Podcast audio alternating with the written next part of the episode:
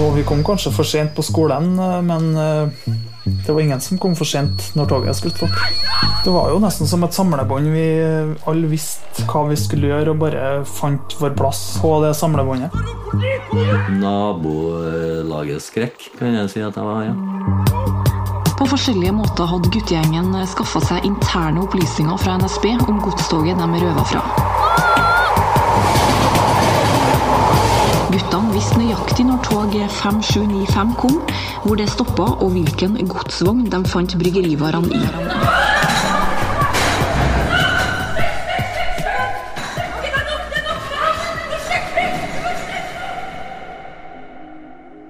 Oliver og Thomas er de eneste fra den gamle Ranheimsgjengen som fortsatt har jevnlig kontakt med hverandre i dag.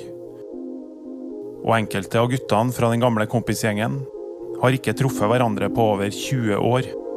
Det her er første gang siden 1995 at guttene er samla på jernbanen på Ranheim. Ja, hva Så, går det an, så, så hvis vi står eh, Er vi mange? Vi er jo faen meg Vi er mange. Ja. Så hvis vi står åtte mann og kommer med tog, så ringer de sikkert snuten. På vei til jernbanen så går vi forbi flere av barndomshjemmene til de guttene her. Og når vi kommer frem til gjerdet like ved jernbanelinja, så ser vi at det gamle hullet som de en gang hadde klippet opp, eh, nå er tetta igjen. Ja, det er nå ikke så lenge siden det har vært tetta igjen, ser jeg. Men Oliver har selvfølgelig med seg avbitertang.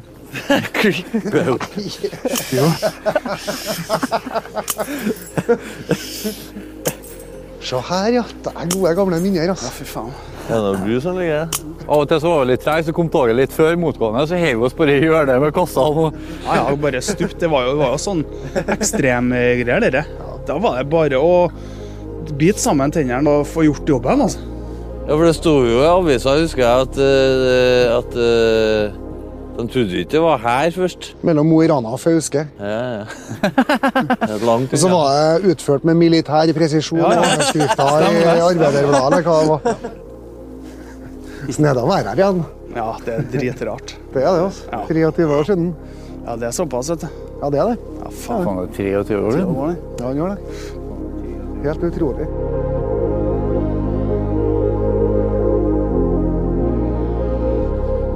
Første gangen vi gjorde det, jo, jeg tror jeg husker det. Her hører dere Thomas. Da tror jeg vi satt ned til meg. Hvis jeg ikke tar helt feil.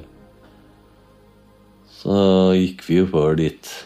Så det var jo det var en som egentlig fant ut av det, vet du. For at han, mora hans jobba i NSB. Det her er Morten. Og så hadde han noe Operasjon Dagsverk eller noe arbeidsuke eller noe i åttende klassen. Det var han som fant ut at toget stoppa der. Så han var med på den ruta der nordover og leverte varer med toget. Og så bodde han jo på Ranheim, han ja. Og bodde rett ved siden av toglinja. Så satt han og så på TV-en en kveld, og så hørte han et tog som stoppa, og så så han jo de vognene han hadde vært med og lassa. Med brus og Han visste jo hva som var Esedals sine vogner. Så det var sånn egentlig begynte. da, vet du. Og det toget der stoppa jo på Ranheim mellom åtte og ti over åtte mandag til fredag. Hver dag. Nei, jeg var litt avhengig av det lokaltoget. da. Hvis det lokaltoget som det venta på på Ranheim ble forsinka, så sto det jo der, da. Og det kunne jo være opp fra noen sekunder til ti minutter. Så han tipsa en annen kamerat. Så slengte vi som var litt yngre, oss med dem. da. Og Sina bommøbler der, det husker du sikkert at du brukte å stå ned jernbanevognene. Ja. De her jernbanevognene som Oliver snakker om, husker jeg veldig godt. Eh, De sto eh, rett på andre sida av jernbanestasjonen på Ranheim. På et sidespor der. Og jeg og kompisene mine vi torde aldri å være i nærheten av de vognene. Så vi hadde jo dem å trene på, vet du. Det hadde vi jo. Vi har Få opp dører og greier, og, og lærte oss hvordan vi skulle koble fra vognene. Og få sånn svære hjul for å få opp dørene på sidene. Ja. Så Dere ble proff. ja, vi var, vi var garva til garva på dette. Ja, jeg vet ikke, hva skal vi gjøre etterpå? Jeg går Ikke, ikke begynn sånn her. Det, det, Nei? det, Jeg vil føre til fabrikken, da. For den nubla. Ja, for noe ja, vi mangler det, da. Ja, tenkte på ja det. vi må tenke på det. Ja, Har, har du har... Selv om de var bestevenner, så kunne Oliver og Thomas krangle så busta føyk enkelte ganger. Men de gangene slåssinga gikk litt for langt, fikk det sjelden noen konsekvenser i hjemmet hos Thomas. Sånn Jeg hadde vært på fotballtrening, og så hadde det skjedd noe sjekling mellom oss to. Så fulgte han etter meg, og så ble det sånn at jeg spente den i ansiktet her, sånn, med fotballsko, faktisk. Og da kom foreldrene hans hjem til min far og fortalte det. Men pappa bare overser alt sammen. Det går inn der og ut der. Så det eneste han sa hver gang. så det var ikke så Vi lærte ikke akkurat så mye, da, av det vi gjorde. Pappa bare bagatelliserte alt vi gjorde, da. Sånn sett, han brydde seg ikke så mye. Fikk ikke noe kjeft, liksom. Da kjørte jeg bare på, jeg. Når vi ikke fikk kjeft, da var det bare hva han ville, da. Det var aldri noe sånn bra oppvekstvilkår sånn. Pappa var veldig dominerende og aggressiv og sånn. Glad i flasker og Jeg er jo tysk, så, men det er jo ikke noe forklaring, det. Men de er jo litt mer glad i øl enn oss. Veldig konservativ, da. Veldig streng. Ingen som eh, torde å si imot han. Verken mamma eller eh, noen av kompisene mine. Sånn, sånn, jeg fikk aldri ha besøk hjem når en pappa bodde hjemme. Aldri når det var finvær. Fikk aldri være inn med besøk. Aldri. Ha dere ut og finne på ting. Jeg husker en episode vi satt hjemme på stua og kikka et program på TV-en. Så kom en pappa hjem fra jobb, og så sa han ja, hva dere gjør her? Jeg kikker et program. Nei, ha dere ut. Det er finvær ute. Nei, jeg var for og Så bare reiv han ut kontakten og tok med TV-en ut og heiv den i bakken. Han knuste hele TV-en. Så rar var han. Litt spesielt, men eh, ja. Men var det først etter at han flytta at uh, Ja, og da litt det tok av, da, for da følte jeg at det var jeg som var mannen i huset. Da mamma eh, torde ikke si imot meg heller. Jeg bare overså det. Min bror da, begynte å ta tak i ting og hjelpe mamma og sånn, mens jeg bare festa videre. Og hadde huset fullt av ungdommer. Mamma var frustrert og fikk hjelp av naboene til å kartlegge hva vi holdt på med opp på rommet og sånne ting. da. Så det var ei vending. eh, Onkel politi kjørte eh, rundt huset der jeg oppvokste i tre ganger daglig når jeg var bodd hjemme. Altså. På grunn av meg de gjorde det. Og på den tida her så er Thomas og resten av kompisgjengen mellom eh, 13 og 15 år gammel. Så når jeg var i militæret i 98, så var de ikke der. Med en gang jeg kom på perm, så var de der igjen. så litt sånn nabolagets skrekk, kan jeg si at jeg var, ja. De frykta oss litt på Ranheim, naboene, for å si det sånn. Men det er noe så. Barnevernet sier jo Husker du noe av det sjøl? Ja, jeg husker det. Jeg har jo ikke masse papirer på meg. ja. ja, Fra min egen oppvekst og helt frem til ja, for ti år siden. Og så er det omsorgssvikt da, fra mine foreldre, sier jeg.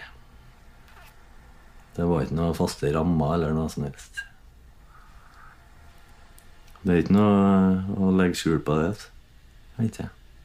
Er det noe du er komfortabel med å snakke om? Ja, det er ikke noe problem for meg. det. Jeg liker å snakke om det faktisk, for å få letta litt ting. Letta trykket i, i hodet. Jeg føler nå at jeg kan forteller det til deg. iallfall. Det er litt sårt, men sånn er det nå.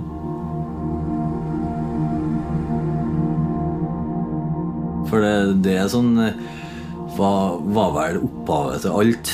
For at han ble sånn han ble, da. At det ikke var noen faste rammer og ikke fikk noen konsekvenser av ting du gjorde. og Da bare pusha han litt på. da.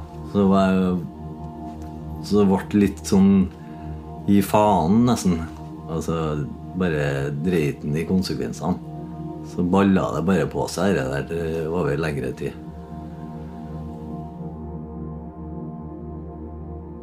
Når du ser tilbake på ungdomstida da, og barndommen, var mm. følte du at dere gikk for langt noen gang? Ja, jeg følte at det gikk for langt når vi holdt på eh, å rane toget. Faktisk så gjorde jeg det. Men det var litt uh, spenninger og gratis øl og brus og sånne ting. da. Slipp å spørre voksne om å kjøpe øl til, og så bare dra inn i garasjen og hente oss en øl når vi var tørst.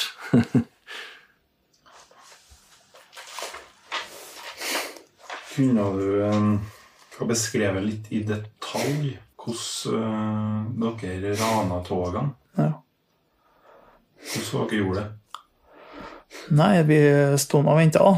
Det her er Oliver. Vi hadde jo plasser som vi kunne stå, stå uten at det var noen som så oss fra vei eller eh, boliger som var i nærheten. Vi var jo klar når toget stoppa. For da hadde vi allerede vært nede på jernbaneskinna og lytta og hørt det. I god tid forveien. Toglinja og strekningen der, det var jo gjennomført sånn at konduktør eller toglokførerne de så ikke oss. Det her er Morten. Pga. at vognene skydda sikten bakover. Hadde jo vært i et rettstrekke, så hadde de sett oss. Ja. Ja. Og så var det jo en dal i tillegg, sånn at husene rundt dem så jo heller ikke noe. Så satt vi da der og venta på toget i skråninga, Så vi visste sånn cirka hvor tid toget kom. Sånn åtte Fem på åtte, kvart over åtte. Så stoppa det bestandig der. I den tida så sto det maks maks ikke fem minutter engang. Tre-fire minutter, kanskje. Maks. Så begynte vi nå å, å, å vente på det toget. Det her er Oliver. Eller jeg husker ikke, vi hørte det kom, skjønner du. Vi var på Rensa, sprang vi opp til jernbanen. Den gjengen. Stoppa jeg. Så, så vi, sa han ja visst hvordan Vågnes med Dals hadde. Var ikke noe hengelås eller noe sånt? eller? Noen Plomberinger. Det var ikke lost. Det var ikke det? Nei. Det er det som, det som var så rart, vet du. At det ikke er lost. Da bare sprang vi ned. Så åpna vi vognene, sånne svære sånn semitrailervogner sånn er på togene. Åpna vi sånne svære dører.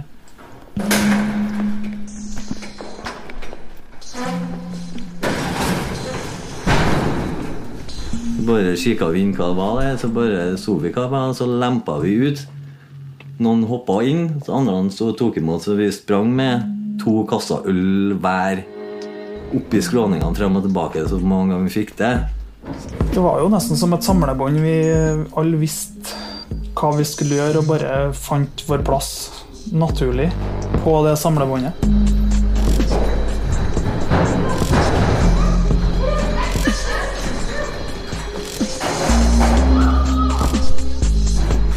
Sånn som vi håndterte godstoget. sant? Med tusenvis av hest hestekrefter som stopper, og vi bare åpner dørene og tar ut som om det skulle være som å gå i kjøleskapet og hente seg melk. Det var jo det vi gjorde. Svære dører på fire-fem meter. Bare pressa dem opp. Visste akkurat hvordan vi skulle gjøre det. Og små som vi var, og stort som det toget var, så ga det kanskje en følelse av beherskelse. Det å få til å manøvrere ei svær godstogvogn. Så husker jeg det jo, når vi åpna togvognene, og så var det jo seks stabler med, med kasser. Det her er Morten. Og Det var den en gang det var glassflasker, og i hvert fall pilsen. Det 07-erne med Dals. Men vi reiv jo bare tak i den nederst kassa og Det bråka jo litt, da, men Og det meste berga jo. Og så hadde vi jo vill jævla lite tida, vet du. For eh, når det godstoget begynte å fære, så kom jo lokaltoget i løpet av et par minutter. Og da måtte vi jo fjerne alt, så ikke de så noen ting når de for til, ja, tilbake. Så det var jo på en måte alltid passe på å ikke ta for mye. da. Så vi brente oss på det noen gang. Så vi måtte gjemme unna det der i- under gresset og i sida. Så det var jævla gjennomført. da, vet du.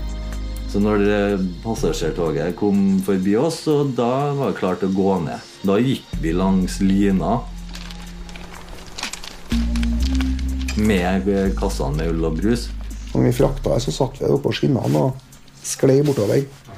Så vi kunne jo ta sikkert en fire-fem kasser i slengen. Det er hus på begge sidene, så jeg synes det var rart at ingen observerte oss sånn. Vi gikk jo kanskje en kilometer med tingene. Vi gikk fra hybelhusene på Ranheim langs linja helt til Presthusveien er undergangen. Så det er et lite stykke. altså. Men da var det brus dere stjal? Ikke øl, eller? Jo, brus og øl. Øl. Ja. Og jeg husker jeg for jo hver, hver dag når jeg for på skolen.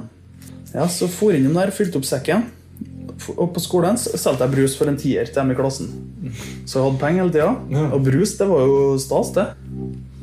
Og i helgen så hadde vi fest, og da alle som kom, fikk drikke så mye øl de ville. Og alle jentene var bare å komme og skjenke av en håndfull.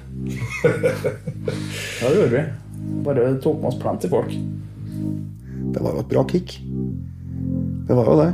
Og vi kom kanskje for sent på skolen, eh, men eh, det var ingen som kom for sent når toget skulle stoppe. Vi var så ivrige at vi nesten ikke fikk igjen dørene, så husker at folk hang jo på dørene når toget kjørte bort til dem. Måtte hoppe av i fart og greier. Og jo, jo. Ja. Så vi holdt jo på med det i ja, et par år, nesten. Og da hadde jo politiet begynt å få snus nedi der, vet du, og da hadde de jo vært nede på Ranheim og spana. I neste episode av Togrøvere.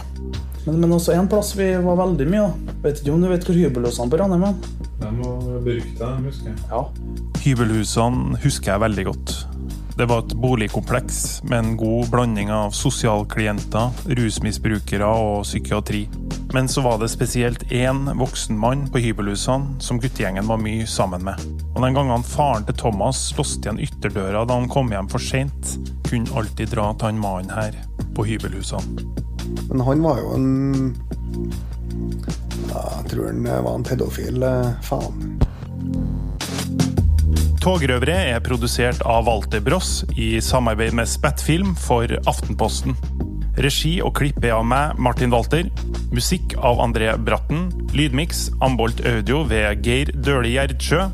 For Aftenposten produsent Jonas Brenna og sjefsredaktør Espen Egil Hansen.